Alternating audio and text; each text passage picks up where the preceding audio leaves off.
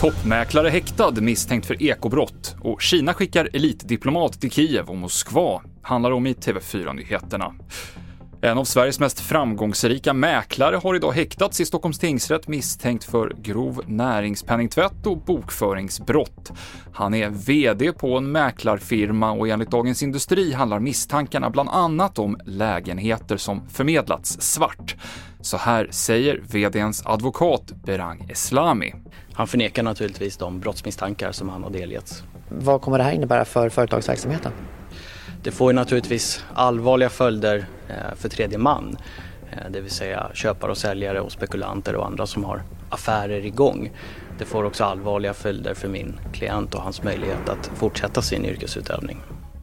Kina skickar en av sina toppdiplomater till bland annat Kiev och Moskva för att försöka nå en politisk lösning i kriget i Ukraina. Kina har alltmer försökt ta rollen som internationell fredsmäklare från USA och man har en viktig roll i den här konflikten. Kina är ju det landet i världen som kan stoppa Vladimir Putin. Så enkelt är det.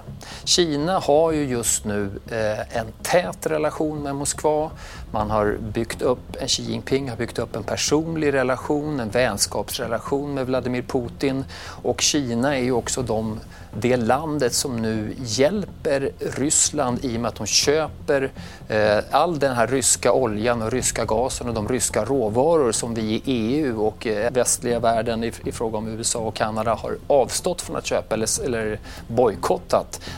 det köper ju Kina just nu framför allt. Va? Så att de har ju ökat sin import enormt från Ryssland och därmed också bidragit till pengar i Rysslands statskassa. Och de är ju den spelare som kan få stopp på Vladimir Putin om mm. de nu vill det. Det sa vår utrikesreporter Johan Fredriksson. En längre analys från honom finns på TV4.se och TV4 Play. Och Röda Korset har fått in en hjälpsändning till Nordkorea för första gången sedan början på pandemin, rapporterar Ekot. Det handlar om nödutrustning som presenningar, vattendunkar och hygienartiklar som behövs vid större katastrofer, uppger organisationen. Och det avslutar TV4-nyheterna. Jag heter Mikael Klintevall.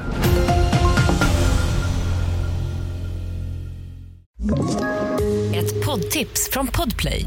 I fallen jag aldrig glömmer djupdyker Hasse Aro i arbetet bakom några av Sveriges mest uppseendeväckande brottsutredningar.